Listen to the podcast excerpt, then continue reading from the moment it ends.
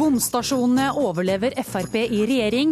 Bård Hoksrud møter skuffet velger som aldri betaler bompenger. Fortvilte jesidier i Norge følger slektningers desperate kamp for å overleve i Nord-Irak. Jeg har grått i flere dager nå. Jeg gråt så mye de første dagene at jeg har ikke tårer nå til å Jeg er helt uttørket, for å si det sånn. Og norske popstjerner hyller superduoen Nico og Vince. Ordentlig god låt. Ja, den skal de ha, altså. er glad første gang jeg hørte den. I ukeslutt gir de sine råd til guttene som er i ferd med å erobre verden.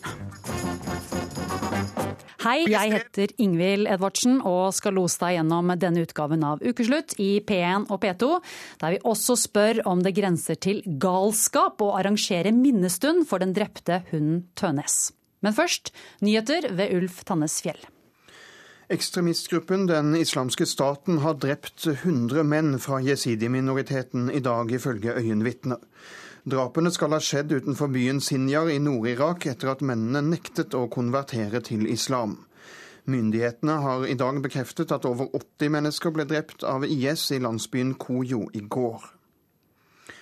Røde Kors bistår nå politiet i etterforskningen etter at en død person ble funnet i et bål i Øyer i Oppland. Politiet mistenker at det ligger noe kriminelt bak dødsfallet, og funnet sjekkes opp mot nasjonale og internasjonale registre over savnede personer. Politiet har foreløpig ikke villet si noe om hvorfor Røde Kors er koblet inn. I Harstad har noen brutt seg inn i lokalene til Dyrebeskyttelsen og sluppet ut alle kattene som var i lokalene. Innbruddet skjedde i natt. Ingenting ble stjålet, og det er ikke gjort hærverk. Lederen av Dyrebeskyttelsen i Harstad er opprørt og sier det er åpenbart at hensikten med innbruddet har vært å slippe kattene ut. Britisk politi har funnet 31 mennesker, deriblant flere barn, innestengt i en container i en havn øst for London. En mann er død, og flere personer er sendt til sykehus. Politiet etterforsker saken og sier at flere av personene som ble funnet, har betydelige helseproblemer, melder BBC. Ingen er så langt pågrepet i saken. Og nå fortsetter ukeslutt med bompengeløfter. Og Jeg registrerer også at det har begynt å bli en sannhet at man kan ikke bygge vei uten bom. Men kjære landsmøte, det er ikke sant. Hvis det er politisk vilje, så er det mulig å bygge vei uten en eneste krone i bompenger. Folk, folk er lei den statlige utpressinga og landeveisrøveriet. Det må stoppe opp. Nå må bom, når bompenger nå finansierer mer av veiutbyggingen enn de statlige bevilgningene, ja, da er vi helt på ville veier. Og dette må vi ta et oppgjør med. Frp ble stifta til formålet om lavere skatter og avgifter og offentlige inngrep. Og Frp er den siste skansen og enkeltmenneskets siste forsvar av lavere skatter og avgifter. Og bompenger er en vesentlig del av dette.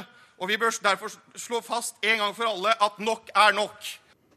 Bomstasjoner kommer til å forsvinne én etter én med Frp ved makten. Det har vært partiets mantra i mange år. Men det har ikke gått helt sånn etter at Frp inntok regjeringskontorene for snart et år siden. Bård Hoksrud, velkommen til ukeslutt. Takk for det. Det var deg vi hørte her da du var opposisjonspolitiker. Nå statssekretær i Samferdselsdepartementet. De fleste bomstasjonene de er der ute fortsatt. Hva tenker du når du hører deg selv her på dette klippet? Jeg tenker at, og jeg er helt enig i alt det jeg sa der, fordi dette er en ekstra skatt for norske bilister, eh, som Fremskrittspartiet fortsatt kjemper imot.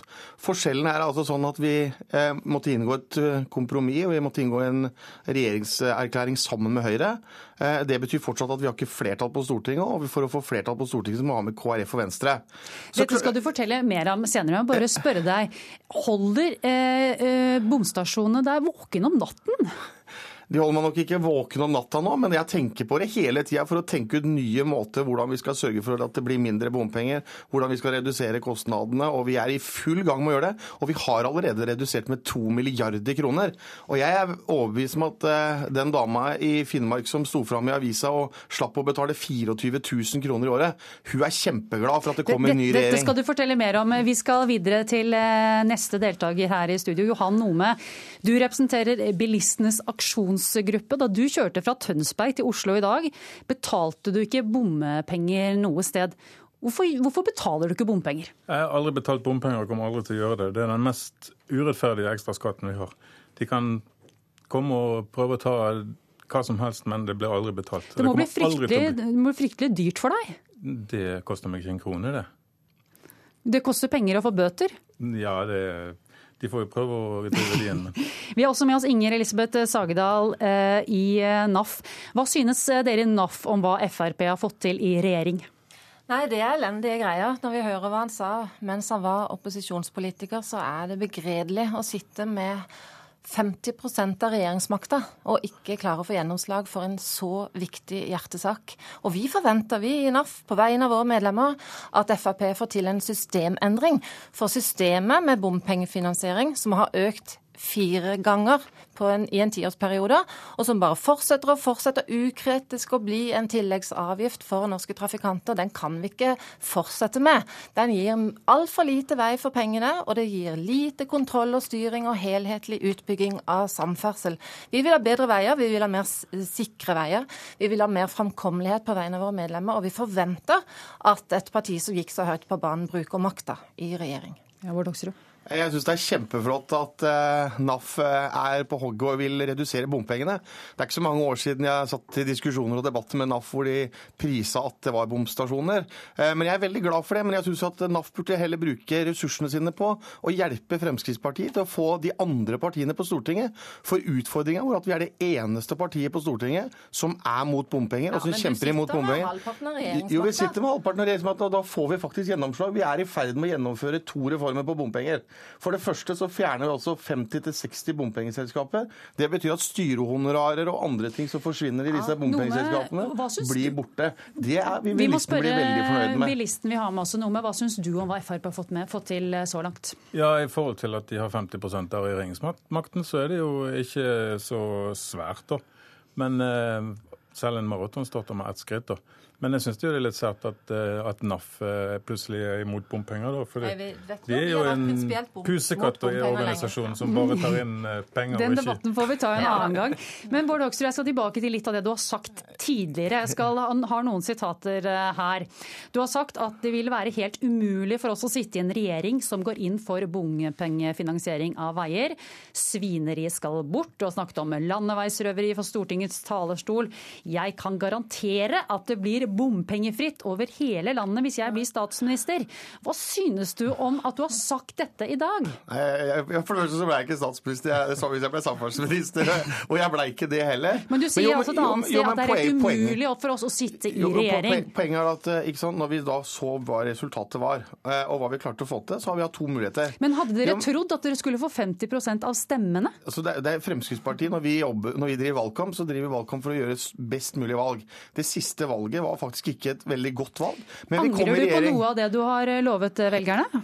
Altså det er, det, det, og velgerne de skjønner dette her. Det er journalister og en del andre. Ja, det høres ut som bilisten er ganske skuffet her. Jo, men bilist, og det skjønner jeg. Det er jobben deres. De skal være, de skal være misfornøyde når man ikke klarer å fjerne eh, bom, bompengene. I hvert fall bilistenes aksjonsgruppe. NAF er, som sagt, de har vært litt mer sånn forskjellige. Men hadde du ønsket at du hadde formulert deg annerledes?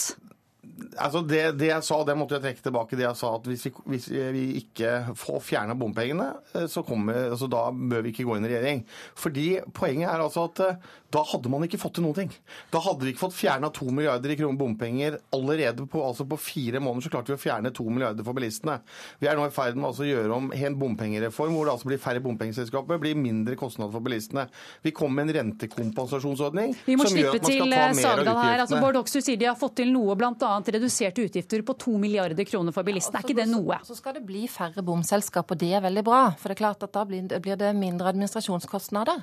Og, eh, men dette jo den rød-grønne regjeringa i gang. De ville ha 19, ett per fylke. Derfor snakker vi om ett bomselskap så lenge vi har denne ordninga som vi egentlig vil skal fases ut. Men vi har lagt fram en, et forslag til systemendring. En uh, veifinansiering eller samferdselsfinansieringsstruktur. Vi ønsker et infrastrukturfond, uh, og vi ønsker et veiselskap. Dette vet jeg at Bård Hoksrud og Ketil Solvik-Olsen er begeistra for.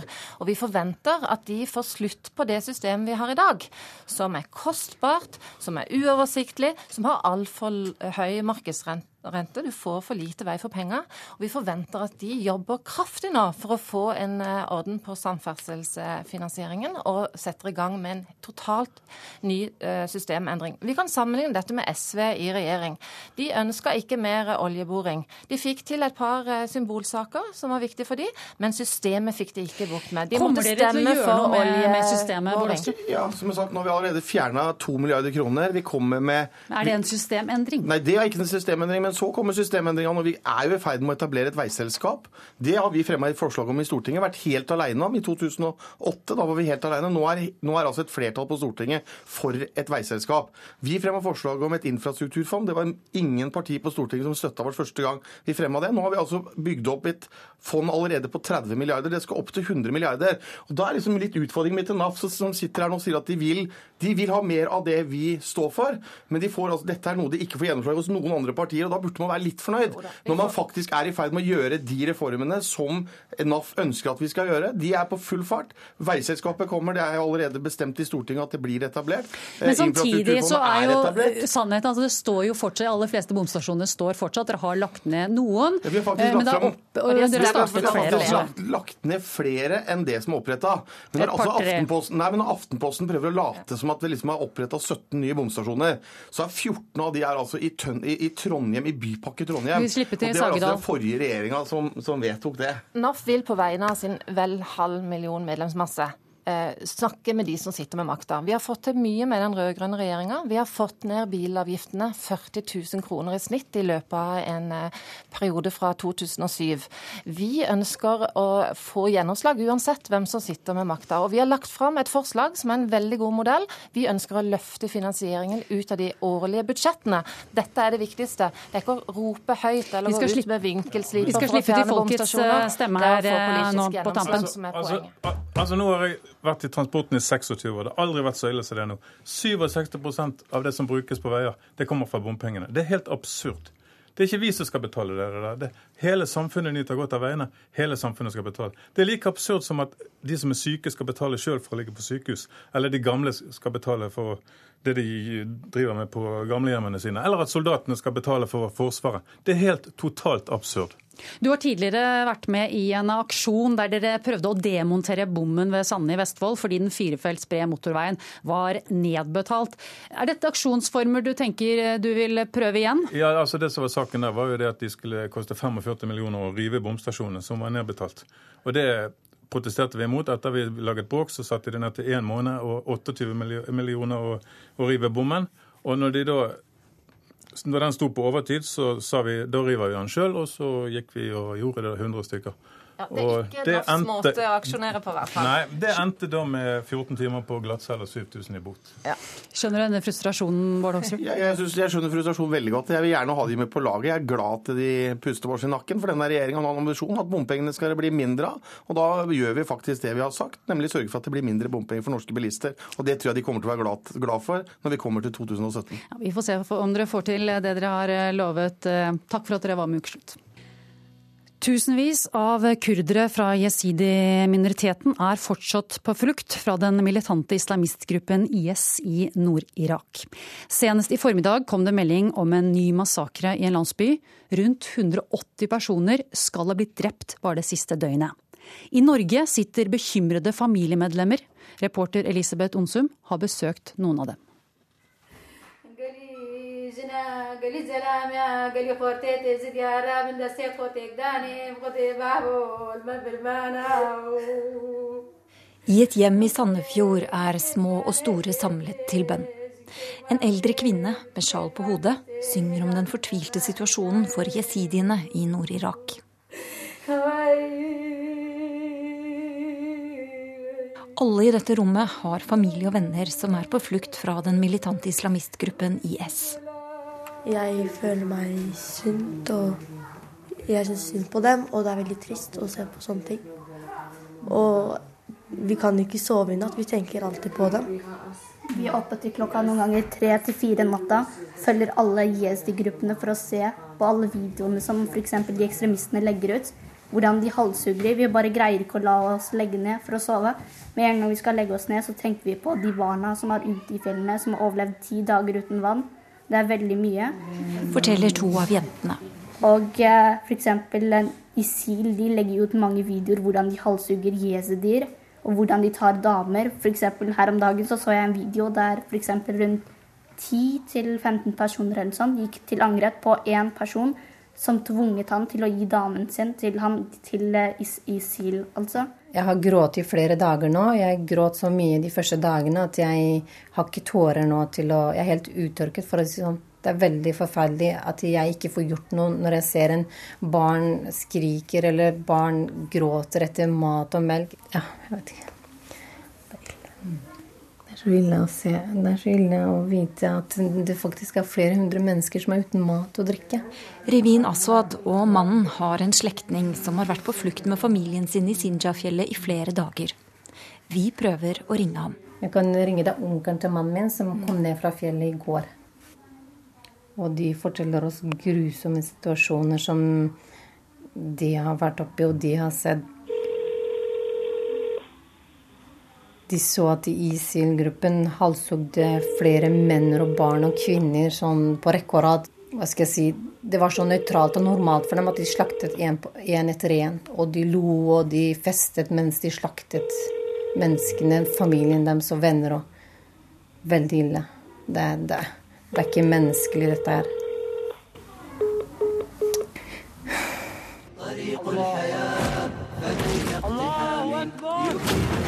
Den militante islamistgruppen IS er beryktet for sine brutale metoder. I en av de mange propagandavideoene som ligger tilgjengelig på nettet, beordrer de en gruppe menn ned på bakken før de henretter dem med hodeskudd én etter én. Ekstrem brutalitet skal ha vært blant årsakene til at Al Qaida brøt med IS tidligere i år. Islamistene har jaktet og drept jesidier i årevis fordi de ikke er muslimer. Vi prøver å nå slektningen igjen. Endelig får vi kontakt. Hallo? Mammo? Han sier den verste dagen i livet mitt i dag. Jeg er uten mat, og familien min uten mat og drikke helt siden vi har kommet ned fra fjellet. Og det er 5000 eh, mennesker til her. Eh, vi er uten hus, uten mat og drikke. Slektningen er en av rundt 80 000 som har klart å flykte fra Sinja-fjellet gjennom en slags sikkerhetskorridor til et kurdisk område. Andre kom seg aldri gjennom. Han sier at eh, når de flyttet, så var det tusenvis av oss som, som, om du skulle sett en hel haug med maurer som flyktet til et uh, sted. Det var så mange. Vi tråkket på hverandre bare for å klare å, å løpe eller for å komme opp til den korridoren. Han sa 'jeg selv med mine egne øyne så i selv skype, skyte med sånn Hva heter sånn En sånn kraftig maskingevær. Uh, han så det selv, at to familier var ca. 50 meter unna han at en familie var ca. 30 stykker ble truffet av ISIL, og alle gikk opp i lufta, og vi falt ned av den vinden. Eh, og han sier at jeg har kontakt med de som er på fjellet fortsatt. Og han sier at jeg ringte for fem minutter siden. Da hadde jeg faktisk kontakt med en som var på fjellet. Og han sier at de er fortsatt omringet av eh, terroristgruppen. Da, Og de skyter mot oss når vi prøver å komme lenger opp til fjellet for å flykte. Eh, for å komme til den eh, korridoren. Så de blir beskutt hele tiden. Han sier dette som foregår nå, denne situasjonen, folkemordet, gjelder religionen. Dette er krig om religionen, han sier. De vil utrydde oss. De sier, de sier, selv at enten må dere konvertere til islam, hvis ikke dere konverterer, så dreper vi. Og det gjør de. At, og det er flere, flere ezidier som ikke har konvertert seg, som har blitt drept. Ifølge FN er det nå rundt 1000 flyktninger igjen i fjellområdene der IS herjer. Men nå er folk rundt ham i ferd med å dø av sult og utmattelse, forteller onkelen. Er. Jeg bønnfaller dere, hver en og enkelt. Jeg bønnfaller dere. Vi roper på hjelp. Det stemmer det. Når vi var fanget opp i fjellet, så, så var vi omringet av ISIL, og vi sultet i hjel, og vi levde i frykt. Men nå som vi er eh, liksom kommet i trygghet, sier han, det, situasjonen er mye verre enn fjellet. Vi sulter i hjel. Det er flere tusen mennesker som er spredd utover alle de byene som er i Kurdistan nå. Spedbarn har ikke fått melk ennå, sier han. Vi har ikke fått medisiner. Vi har ikke fått noen ting, sier han. Vi bønnfaller dere. Vi, det eneste vi vil ha, er at vi kan få lov til å eh, leve. Sarchavet, men sarchava, her i studio har jeg fått besøk av Jan Egeland, generalsekretær i Flyktninghjelpen. Får de hjelp? Eh, et økende antall får hjelp, eh, spesielt de som klarer å flykte til steder som Dohuk og Erbil og andre byer. Eh, det, det er en stor operasjon som økes for hver dag, men altfor mange får ikke hjelp fordi de er i kryssild, de er i områder det er vanskelig eller farlig eller umulig å komme til, og fordi vi organisasjonene der har for små ressurser, foreløpig for få folk. altså Flyktninghjelpen er blant de, de, større der. Vi har vel en 250 fulltidshjelpearbeidere. Jobber fra fire om morgenen til midnatt hver dag. Eh, når titusener av nye hver uke. Men det vi er stilt overfor, er over 100 000 nye flyktninger hver uke. Så det, det, er, det er, en kamp mot klokka, og med for små ressurser og for lite sikkerhet. Hvordan vil du karakterisere det som skjer i Nord-Irak nå? Det er sammen med Syria, uten tvil, for, for dette nå én gigantisk katastrofe som berører 12-13 millioner mennesker. Det er det største vi har opplevd siden folkevandringene etter andre verdenskrig. Og Det er det vi, vi prøver fortvilet å få fram til parlamentene rundt omkring i verden, herunder det norske storting. Du har som politiker ikke opplevd noe tilsvarende i din levetid som politiker. Og da er det ikke mulig å drive med å fordele det eksisterende normalbudsjettet. For dette er ikke en normalsituasjon.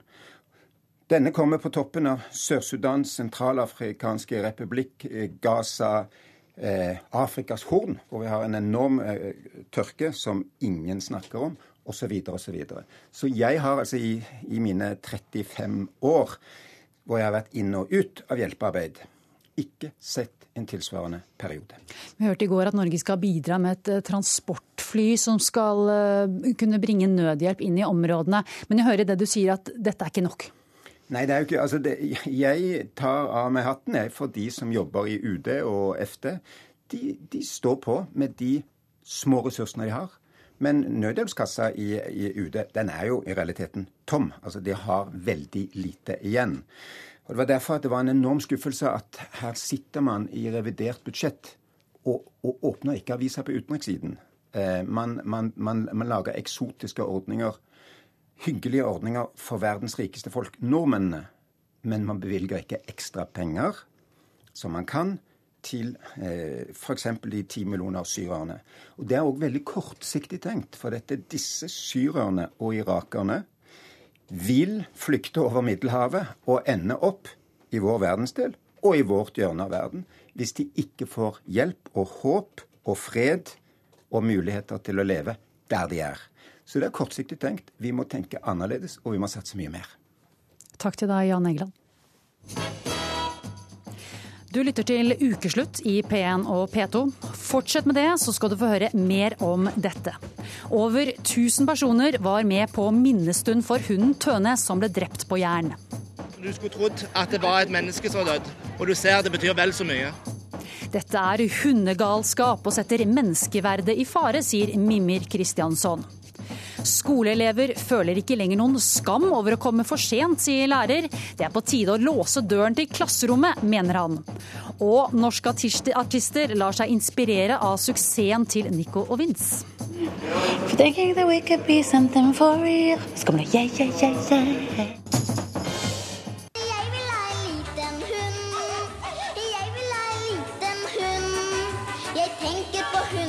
dag hvert sekund.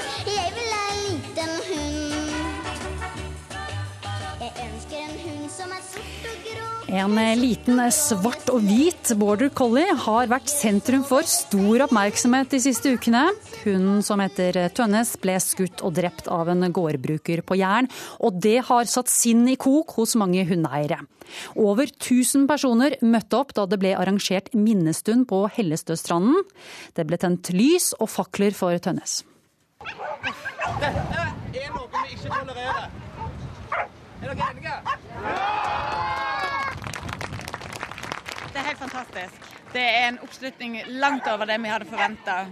Det, det viser et samla hundefolk mot at dette tolererer vi ikke, og sympati for eh, han som har mista hunden sin. Dette her er en av de største oppslutningene jeg noen gang har sett. Altså, Du skulle trodd at det var et menneske som var dødd, men det er faktisk en hund. Og du ser det betyr vel så mye. Vi har ringt fra hele landet, altså fra Trondheim til Tromsø til Bergen, Oslo, Kristiansand. Altså, de har ringt ifra alt for å støtte og vise seg sympati. Det er, det er tross alt en, en slags del av Det er en familiemedlem, vil mange kalle det. i hvert fall. Mimir Kristiansson, skribent og samfunnsdebattant. Du var ikke med å tenne lys for Tønnes, men har derimot reagert på eh, hele arrangementet. Hvorfor det? Så jeg har hatt hund hele livet sjøl, så jeg forstår hvor trist det er å, å miste en hund. Men eh, som en av de som var intervjuet her sier, du skulle trodd det var et menneske som døde. Men det var det altså ikke. Det var bare en hund. Eh, og når 1000 mennesker går i fakkeltog for en hund, eh, samtidig som eh, mennesker dør overalt i verden, eh, ikke bare i verden, men også til og med mennesker mister livet eller har det dårlig i Norge, da er det et problem med prioriteringene til folk. sånn at eh, Mitt standpunkt er ganske enkelt at folk må skjerpe seg og skjønne at eh, en hund eh, som du eier og du er glad i, og som er viktig for deg som individ, ikke er det samme som en eh, umistelig størrelse fra hele samfunnet som sådan. Og det syns jeg hadde gått helt ut av kontroll i denne debatten her, der man også har hatt eh, mot han bonden som har skutt hunden, vanvittige reaksjoner. Folk tror å brenne huset hans. Et enormt engasjement, en vanvittig opppiska hat. Og hvis bare disse menneskene kunne vise en brøkdel av det samme engasjementet for barn som dør i andre deler av verden, eller for fattige mennesker i Norge, så ville verden vært et langt bedre sted. Men de er opptatt av sine egne hunder istedenfor å være opptatt av mennesker som de ikke kjenner. Og det er dårlig. Og den som eh, sa, eller sammenlignet, eh, sa at dette her kunne minne om et menneske som eh, var død, det var deg, Magnus Winther, arrangør av, dette, av denne minnestunden, leder av Hundehjelpen. Vi skal ikke gå inn i selve saken, for den er under etterforskning. Bare kort si at gårdbrukeren mener hunden var i ferd med å angripe sauene på gården, noe hundeeieren er uenig uenige. Hva synes du om eh, Kristianssons kritikk? Han har jo helt misforstått. Um, Enhver oppegående person som møtte opp på denne såkalte minnemarkeringen, skjønner jo at dette her er ikke en minnemarkering. Dette her er for å vise selvfølgelig støtte og respekt for eh, familie og eier av hunden, men mest for å bare bevise at dette er noe vi ikke tåler. Um, bruk, mange bruker setningen minne, 'minnestund for en hund'. Um, det er jo bare en hund. Altså, Tusen stykker på en minnestund for en hund, ja, det er for hver en person helt ubegripelig, men det er ikke det det er. Altså, Hadde jeg daua, så hadde ikke jeg fått tusen stykker på min minnestund. Men det her er en stille demonstrasjon. Uh, og sammenligne uh, denne saken med det som skjer i Irak, Syria og Gaza, det blir helt feil. Om jeg hadde samla 5000 mann for å demonstrere mot galskapen i Gaza, så hadde det dessverre trolig hatt null effekt på situasjonen der nede. Derimot så har jeg fulgt med. Jeg skal gjerne stille opp en sånn demonstrasjon òg. Men denne her saken er noe som eh, gir dyr og dyrevelferd i fokus i Norge. Og med tanke på alle de tragiske tingene som skjer, og med husdyr og jordbruksdyr, så må det noe mer til, og det er det vi prøver å få fram. Mimmi Kristiansson, er det ikke bedre å vise engasjement for uh, dyr enn ikke å vise noe engasjement? Selvfølgelig er det det, og jeg uh, har uh, stor forståelse for mange av de tingene som Magnus har snakket om, mange av de motivene som, som, ligger bak. Ja, min, min hund løp også løs på Hellestø strand faktisk av og til noen ganger. Men poenget mitt er bare at man må sette noe i perspektiv. Og det er ikke det at disse menneskene har gjort noe helt forferdelig, eller at de menneskene som er rusta over dette, har gjort noe galt. Det er jo akkurat som Magnus sier, det er et tegn i tiden på eh, en, en større eh, bevegelse. Og for meg så er det dessverre sånn, eh, sånn som jeg bedømmer det, at man har eh, elevert dyr som er noe annet enn mennesker, til et slags menneskelignende status. Det gjelder våre egne kjæledyr. Det gjelder ikke alle dyr. Ingen ville gått i fakkeltog for en sau, f.eks. Eh, og man har til og med gjort dem til av og til viktigere enn andre mennesker og menneskene rundt seg. Og for I forbindelse med kronikken så spør jeg spørsmålet eh, ville man redda en hund man har kjent hele livet, eller en romtigger man aldri har møtt, ut av et hus? Og da svarer jo forbausende mange folk i fullt alvor at de ville redda en hund eller katt heller enn et annet menneske ut av et brennehus. Det må, og du det er en forstå, det må du forstå hadde aldri skjedd. Aldri hadde det skjedd i virkelig liv. Hva folk sitter på et tastatur og skriver, det kan ikke sammenlignes med hva som faktisk ville ha skjedd. Vi må også slippe til eh, Siri Martinsen fra NOAH. Um, hvordan reagerer du på det Mimir Kristiansson sier? Jeg oppfatter det rett og slett som et forsøk på å kneble engasjement for dyr. For aldri ser man at man vifter med den moralske pekefinger og sier at man skulle brukt tiden sin på noe annet når folk samles til fotballkamper, kunstutstillinger, eh, samles på stranden, altså gjør alt det andre vi mennesker velger å bruke tiden vår på. Men når altså noen mennesker velger å bruke én time av sin tid for å demonstrere for økt rettsvern for dyr, da skal det plutselig settes som en slags kontrast mot menneskeverd. Og det som er ironisk her, det er jo at eh, forskning viser at eh, vold mot dyr, altså ulovlig vold mot dyr, det har en nær sammenheng med kriminalitet, voldskriminalitet mot mennesker. Ja. Det betyr at eh, ved å heve dyrene og dyrs rettsvern, så får vi også et tryggere samfunn for oss selv. Det er viktige sammenhenger som norsk politi hittil ikke har lagt vekt på. Og situasjonen i dag er jo at dyr betraktes som ting, rettslig sett. Og vold mot dyr, altså det å skyte en hund i magen eller det å slå i hjel en katt med en planke osv., det får omtrent samme straff som eh, mindre skadeverk. Dyr skal ikke behandles som ting, sier du. Men er, det straff i en, det men er det ikke likevel forskjell på dyr og mennesker? Eh, jo, men det er jo ikke det denne debatten handler om. Det er jo ikke Jo, derfor, det er jo ikke derfor Nei, det. det er jo ikke derfor tusen stykker stiller opp i en markering for å øke dyrs rettsvern. Det er fordi det er en forskjell på dyr og døde ting. Og den forskjellen eksisterer altså ikke rettslig per i dag. Og derfor er det viktig at folk møter opp for å få en politisk endring. 4. oktober har NOAH en markering for å heve dyrs rettsvern. Vi må håper til at 10 000 Mimi, kommer du da, faktisk. ja, det skjønner jeg. Mimi Kristiansson, vær så god. Jeg håper ikke det kommer til tusen mann, men mitt poeng er bare at eh, eh, jeg, jeg tror eh, Siri Martensen, altså dyrevernet og dyrevelferden i Norge den kan helt sikkert eh, heves og bedres på mange områder. Men de menneskene som møter opp her, det er altså ikke sånn at de er genuint, og det voldsomme engasjementet ikke minst som finnes på internett, man snakker om at det er bare noen som sitter bak i tastatur. Dette er ikke sånn det er. Dette er en ekstremt oppheta og voldsom sak. Det er noe vi trenger å diskutere, og det viser en holdning, mener jeg, som er at man ikke lenger klarer å skille mellom sine egne dyr, og det er viktig, for det gjelder ikke dyr som sådan. Det gjelder dyr som er nær deg som menneske, som du kjenner, som du føler er en del av din familie som individ. Og mennesker og dyr som man ikke kjenner, og som man derfor ikke bryr seg om. Mm, Du er tillegger jo de tusen menneskene veldig mange holdninger som du ikke kan vite noen ting om. Jeg jobber jo med dyrs rettigheter til daglig, jeg snakker med mange mennesker som bryr seg om dyr, og jeg vet at de også bryr seg om andre dyr enn hunder, naturligvis, at de bryr seg om alle dyr, og også at deres engasjement Magnus, vi må spørre Magnus Winther, som arrangerte denne minnestunden. Bryr du deg like mye om griser og høner som om hunder? Du skulle se det. Altså, Jeg har vokst opp av den som eh, ble mobba på skolen for han tok makken ut av søleput- pu- søleputten. Eh, selvfølgelig. Vi bryr oss like gjerne mye om alle andre dyr som hunder. Eh, det, dere, det du må legge merke til her, Kristiansson, det er at 995 personer av de som var der, de aner ikke hvem personen er, aner ikke hva hund det er. Aner ikke hvem sin hund er. De har sikkert sannsynligvis aldri møtt den. Men det er dyrevelferd som er i fokus her. Med å, heve eh, dyrevelferd i Norge som er faktisk helt på bånn. Se på Sverige. Se på Sverige har eget dyrepoliti. Hvorfor kan ikke vi følge det? Noe av kritikken har gått på menneskeliggjøring av, av, av dyr, Magnus Winther. Og under minnestunden så fikk alle de første hundene som stilte opp, en tennisball med navnet Tønnes på. Hvorfor fikk de det? Hundene fikk det. Hundene fikk det for å rett og slett Jeg tenkte der Med navnet stå- på? Ja, det, de fikk det, og det var rett og slett bare en liten påminnelse. Det at når vi går rundt og går tur med andre hunder, og vi kaster ball med våre hunder, så kommer det kanskje en annen hundeeier som sier 'Hvorfor står det Tønnes på ballen?' Jo, nå skal jeg fortelle. Nå skal jeg få høre. Men de aller fleste har jo fått med seg denne saken her uansett.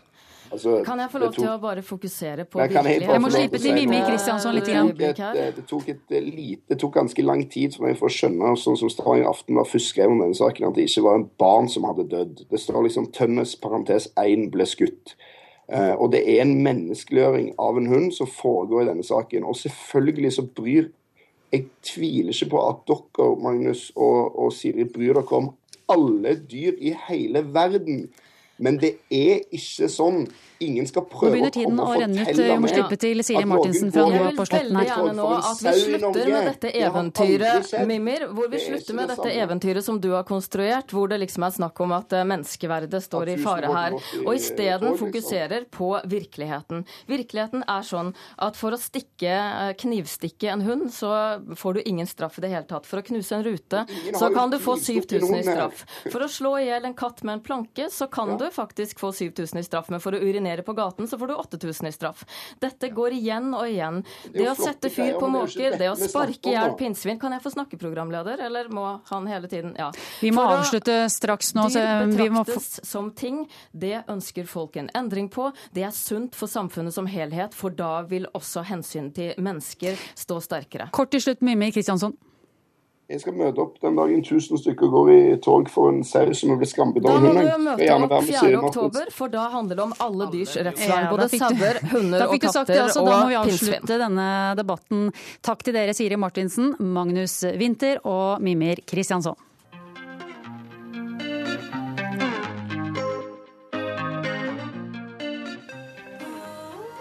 Med låten eh, I Am Wrong er den norske superduoen Nico og Vince i ferd med å erobre verden. Nylig klatret de til topps på den offisielle hitlisten i Storbritannia, og går dermed i fotsporene til a-ha. Vi har spurt andre norske stjerner om tips til guttene, som for tiden er hektisk opptatt i USA. Uh, so Nico and Vince is here, the biggest song in the world probably right now, right? Yeah, one of them definitely. Yeah. Well, what's bigger than your song? I don't know. So You're just trying to be one. humble, right? You're trying to be you humble. gotta watch out though. This. Jo da, Ukeslutt har eh, også prøvd å få snakke med Nico og Vince, eh, men akkurat nå så er det radiokanaler som den verdensledende R&B- og hiphop-kanalen Hot 97 som ligger inne i avtaleboka.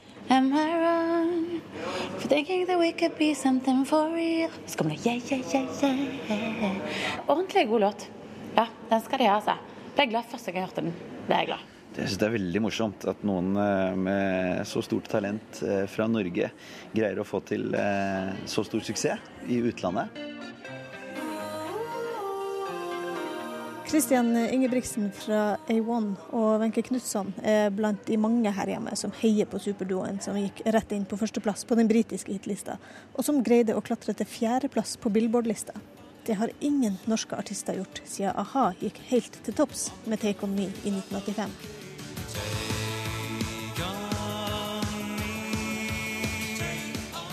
Og nå er det mange som er veldig spent på det nye albumet som duoen gjør ferdig akkurat nå i disse dager. Nå har de jo verden for sine føtter når de har fått i sånn suksess, og i tillegg i USA, og det klarte jo aldri vi. Sånn at eh, de, eh, de er nok eh, noe, en gruppe som vi kan se mye av i lang tid framover. Håper jeg. Jeg håper de får det så utrolig gøy når de reiser rundt og spiller. D-Sound er store bl.a. i Japan og i Asia for øvrig. Og vokalist Simone hun liker å gjøre det litt hjemmekoselig når hun er ute på tur. Sant, I Norge så, så turnerer du litt, og så kommer du hjem. Men i utlandet så må du nok være borte fra familien din og fra heimen din ganske mye lenger. Så da gjelder det å lage seg sånne små rutiner og små greier som gjør at du føler deg hjemme på hotellrom nummer 105. En stund husker jeg jeg drev og kjøpte en potteplante i hver by og putta på et eller annet sted ved siden av senga mi eller noe sånt. Så sånne små ting. Mens den fornuftige og økonomisk bevisste Christian Ingebrigtsen anbefaler å passe litt på pengestrømmen. Tidlig få eh, oversikt over økonomien, hva som brukes på dine vegne. Fordi at eh, de som sitter og lager musikkvideoer og eh, booker eh, ja, hotellrom og fly og helikopter og alt det der, det er jo ikke de som betaler regningen, det er jo artisten. Men det tok en stund før jeg begynte å her kan jeg få se lista over eh, utgiftene på den turneen her. Ikke sant? Og så ser jeg da utgifter på flere hundre tusen kroner på pyro på scenen. Så tenkte jeg det er å, det er jo å sette fyr på pengene, bokstavelig talt. For det, hvis det går mange hundre tusen kroner bare i et pang, et smell på scenen. Og jeg skulle gjort det mye før, da. Sett på den lista. Men så må de ikke glemme å nyte øyeblikket, da. Når du står på scenen foran eh, titusener av mennesker og eh, du er nummer én, bare stopp et lite øyeblikk og tenk fy søren så kult det her er. All suksess de får, er supervelfortjent. Og jeg håper at de kommer med at de neste singlene blir fantastisk bra, og at de eh, får verdensherredømme. Ja, og Verdensherredømme ser altså ut til å være innen rekkevidde, men én plassering mangler de fortsatt. Nemlig førsteplassen på VG-lista her hjemme. Det visste du ikke, Wenche Knutson. Har de ikke det? Nei, det har du. Det, ja, visst har jeg det. har de ikke det? Det var litt rart, det skulle man tro. Men det er jo De kan jo likevel ganske godt når de har ligget på toppen av Billboard. Kanskje de unner at vi andre har fått lov å være litt på VG-lista. Så kan de på en måte kose seg med Beyoncé og Rihanna. Mens vi kan kose oss med Klausegutten med støveldansen. Og vi kan være der, vi. For du er ikke, du er ikke noe misunnelig? Akkurat det er ikke. Altså, det er, livet er for kort til å være misunnelig. Overhodet ikke. Dette unner jeg dem. Jeg syns det er kjempe, kjempekult. Og de ryktes skadet til at de er to hardtarbeidende gutter som, eh, som virkelig jobber hardt for, for ting òg. Og det syns jeg er så bra. Og så har du dem som blir ekstra inspirert av å se at andre får det til, som Atle Pettersen. Jeg blir i hvert fall veldig motivert. Det blir jeg. Så du blir den neste? Det, det, det, er lov å håpe. Det hadde vært, uh, ja, det hadde vært helt sinnssykt. Now am I wrong?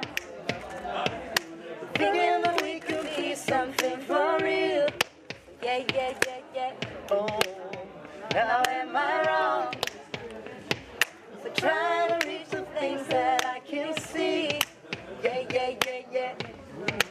That's just how I feel. Ooh, that's just how I feel.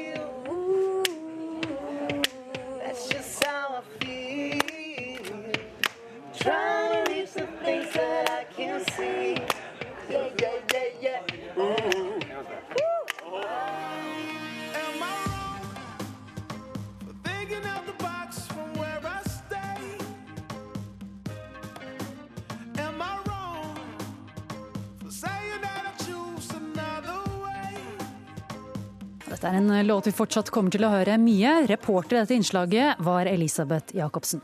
Da klokka klang så fort vi sprang, og ingen sto igjen og hang. Men glad og lett og rank og rett, vi var på plass med ett. Da hadde læreren spanskrøret til sin rådighet. Og han, eh, lærerne brukte ofte å lugge, og uh, brukte også ørefiken. Vi må vekk fra den rød-grønne koseskolen, mener kunnskapsminister Torbjørn Røe Isaksen. Han oppfordret denne uken skolene til å åpne for at lærerne kan inndra mobiler, la urokråkene sitte igjen og låse døren når timen er i gang. Karl Eirik Kval, lektor og forfatter av boken 'Det store skolesviket'. Du har sagt at dette er som musikk i dine ører. Hvordan da? Nei, Det kan jo nesten virke som om han har henta det rett ut av boka mi. Eh, Statsråden har jo vært ganske stille en stund, så jeg har en tanke om at han har sittet på tenkeloftet og lest boka mi. Og eh, jeg syns dette er veldig, veldig gode forslag. Hvorfor er dette gode forslag? Nei, For å ta gjensitting f.eks., så er det jo sånn at uh, anmerkninger har tapt sin kraft. De virker ikke lenger. Det er en del elever som har 30-40 anmerkninger. Og det er veldig mange elever som blir satt ned, både i orden og atferd. Og det er ikke lenger stigmatiserende. Og da må man finne på noe nytt. Og gjensitting tror jeg vil virke veldig effektivt. Benjamin Skiaker Myrstad, du er leder i Elevorganisasjonen. Du har ikke tatt dette så godt imot. Hva er problemet med f.eks. gjensitting? Nei, Det vi har reagert på mest i, eh, i, uken som har vært, er jo hvordan ministeren går ut som han gjør og prøver å presse disse sanksjonsmidlene på skolene. Eh, så reagerer vi på betegnelsen til, eh, til kunnskapsministeren om denne koseskolen. Eh, Og det å bruke det begrepet, det undergraver, eh, det undergraver arbeid som tusenvis av lærere gjør og er stolte av hver eneste dag. Nå nå er ikke ministeren her men, eh, til å svare på dette, men jeg må igjen spørre. Hva er problemet med gjensitting? Nei, det er, ikke så mye, det er ikke så mye tiltakene der som er problemet. Altså Gjensitting og mobilbruk det har det vært åpent for i, i eh, ordensreglement lenge, så lenge det er spesifisert i reglementet. Eh, det som er skummelt, er når en minister går ut i en så, eh, så kaotisk tid som det er nå for, for Skole-Norge, med streik og hele pakka, og, og prøver å dytte dette på skolene. Um, Du har også reagert på dette her med å låse dørene eh, for å hindre at de som kommer for sent til timen, kommer inn. Hvorfor er det en dum idé? Nei, her handler det jo om at hvis, du, hvis du har elever som har vært uheldige å komme på en sen buss og kommer fem minutter for sent i timen, så skal de eh, miste 45 minutter med undervisning. Det ser jo vi på som helt urimelig. Altså, elever har krav på, krav på den undervisningen, og, og der er det ikke noen mulighet for å vise skjønn, da. Hva har du forståelse for at Elevorganisasjonen eh, oppfatter at dette er noe som blir tredd nedover hodet på, på skolene? Nei, overhodet ikke. Jeg syns det er veldig bra at statsråden går ut på den måten han gjør. Sannheten er jo at i Skole-Norge i dag så er det eh, et over, overrepresentasjon av rektorer som ønsker å være kule og ha et, det de kaller for et eh, elevvennlig reglement. Og som skaper veldig vanskelige forhold for oss lærere. Alt overlates til eh, disiplinerende virksomhet, overlates til oss lærere. Og så står vi der. Vi har ingen sanksjonsmuligheter, dvs. Si vi har anmerkninger. Men som jeg sa i stad, de har mista sin kraft. Og da syns jeg det er veldig flott at statsråden presiserer at det er muligheter for å endre, endre reglementet på den måten han sier. Myrstad? Men ja, det, som, det som er så interessant her, er at man, man sier at dette er så kritiske sanksjonsmuligheter. Det er så viktig å få disse sanksjonsmulighetene. Men det er jo veldig mange lærere rundt omkring i Norge som klarer å gjennomføre gode undervisningstimer og har godt oppmøte i timen. Så spørsmålet da er hva er det de gjør? Hva er det de gjør som andre lærere da kanskje ikke får til? Gode undervisningstimer er jo noe helt annet enn at eh, elevene møter opp. De to tingene henger dessverre i dag eh, ofte ikke sammen. Det ser jeg på de skolene jeg har jobba. Det er flinke, gode, dyktige lærere som også har akkurat samme problemer med for seintkomming, med eh, fravær osv. Men hvorfor låse døra? Nei, altså Låse døra er for å slippe det rennet inn i klasserommet. A-magasinet hadde en reportasje fra min skole. Den ligger ute på nett. Det er bare å lese den og se Fra den videoen. Fagerborg videregående Fra. Fagerborg videregående skole, der jeg jobba før. Og, og eh, altså, se de problemene det skaper. Ja, hva slags problemer er det? Nei, Helt altså, konkret. Når du, har, du forsøker å stå og holde undervisning, og så kommer elevene rennende inn, døra går opp, og elever i dag Det er, ikke, altså det er, det er ingen skam knytta til det å komme for seint lenger. Det er snar, det er, av og til så kan man til og med oppleve high five idet elevene kommer inn av døra. Så det er, det er veldig forstyrrende for undervisninga. Myrstad, syns du det er OK at, at elever kommer, kommer brasende inn etter ti minutter, et kvarter i klasserommet? Jeg har ikke lyst til å drive og generalisere alle norske elever, sånn som det ofte blir i denne debatten her. Men du har Altså- sikkert opplevd det som elev å sitte i klasserommet, og det er elever som kommer for sent. Virker det forstyrrende? Selvfølgelig, det er enkeltsituasjoner hvor det skjer. Men, men det vi sier her, er at det, et av premissene for denne debatten virker som at det, grunnen til at norske elever kommer for sent, det er fordi de er late. Fordi de ikke gidder å stå opp eh, tidsnok, eller noe sånt. Ja, er det ikke det? Nei, det er jo åpenbart ikke det. Det er mye forskning som viser at norske elever, eh, eller norske ungdom, er enda mer aktive og mye mer engasjerte enn det de har vært tidligere. eh, Samtidig som det er enda flere enn noen gang som har lyst til å gå høyere utdanning. Og det viser jo at norske elever er jo ikke late. Eh, Jeg savner egentlig at, at man ser på årsaken til fraværet. Eh, Kval pleier ofte å, å ta eksempler med at eh, han, de, de hadde en uke hvor dere på Fagerborg så hvor mange som var fraværende. Og Spørsmålet da er etter den uken spurte man elevene under den uken spurte man elevene hvorfor de kom for sent. Det gjorde de på Nesodden VGS. Ja, er det, det gjorde man på, på Lørenskog Er det et poeng her, Kval, å heller se på årsakene til for sentkomming? Nei, det, dette, Unnskyld at jeg bruker uttrykket, men dette virker for meg som snillisme, altså. Det er Den undersøkelsen han refererer til, Myrstad, jo, var at vi i en tilfeldig uke undersøkte for seintkomming og fravær i en tredjeklasse første økt.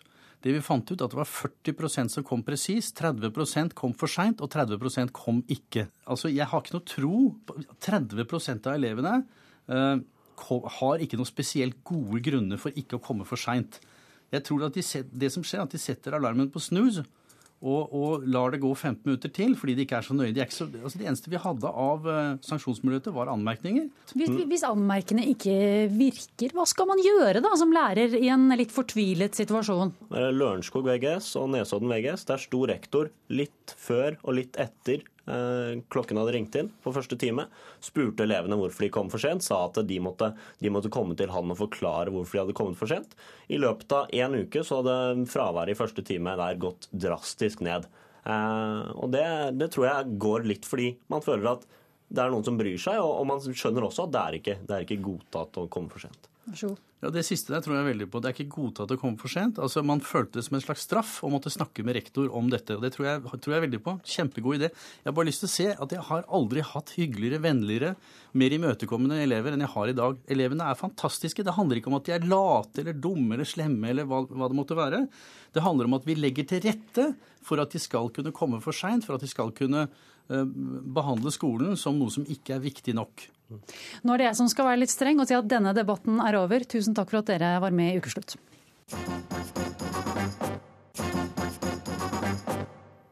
Ukeslutt går mot eh, slutten. Nå er det en eh, værmelding, og jeg gir ordet til statsmeteorolog Ingrid Bentsen. Ja, God ettermiddag. Da starter jeg med at det er lokal stor skogbrannfare i indre strøk av Sogn og Fjordane. Og det ventes uendret eller litt lavere temperatur i Sør-Norge. Søndag litt stigende i Nordland, ellers i Nord-Norge og på Spitsbergen uendret temperatur. Og så varselet som gjaldt i morgen midnatt. Fjellet i Sør-Norge får skiftende bris og spredte regnbyger, fra i kveld regn. Søndag regnbyger og utrygt for torden i Langfjella. Østland og Telemark skiftende bris, fra i kveld sørvest frisk bris på kysten. Enkelte regnbyger. Søndag regn, fra om ettermiddagen skiftende skydekker og enkelte regnbyger først i vest. Agder vestlig bris, periodvis liten kuling på kysten, opphold. Fra i kveld sørvest frisk bris, etter hvert litt regn, først i vest. Fra søndag morgen skiftende skydekke og enkelte regnbyger, utrygt for torden. Rogaland sørvest frisk bris, søndag kveld skiftende bris, spredte regnbyger i kveld regn. Søndag regnbyger igjen og utrygt for torden. Hordaland og Sogn og Fjordane sørlig frisk bris, spredte regnbyger. I kveld sørøst liten kuling på kysten og regn. Søndag skiftende bris, fra seint søndag ettermiddag nordøst stiv kuling ved Stad. Regnbyger utrygt for torden. Møre og Romsdal og Trøndelag. Skiftende bris, i kveld nordøst frisk bris på kysten. Enkelte regnbyger. Fra søndag ettermiddag nordøst periodevis stiv kuling. Regnbyger utrygt for torden. Nordland. Nordlig bris, frisk bris på kysten i nord. Enkelte regnbyger, men også perioder med sol. Søndag nordøst frisk bris på kysten, liten kuling om ettermiddagen. Litt regn i nord først på dagen, ellers stort sett pent vær. Troms og Finnmark nordlig periodevis frisk bris. Søndag nordøst. Enkelte regnbyger fra utpå søndag opphold. Nordensjøland på Spitsbergen får nordøst bris, søndag nordlig frisk bris og stort sett pent vær. Og det var alt fra Meteorologisk institutt. Ansvarlig for denne sendingen var Kari Li. Karl Johan Rimstad sto for det tekniske, og her i studio satt Ingvild Edvardsen. Fikk du ikke med deg hele ukeslutt, kan du høre oss i reprise i Alltid nyheter klokken 16. Og så finner du oss også i opptak på nrk.no. Ukeslutt er tilbake neste lørdag. Ha det bra så lenge.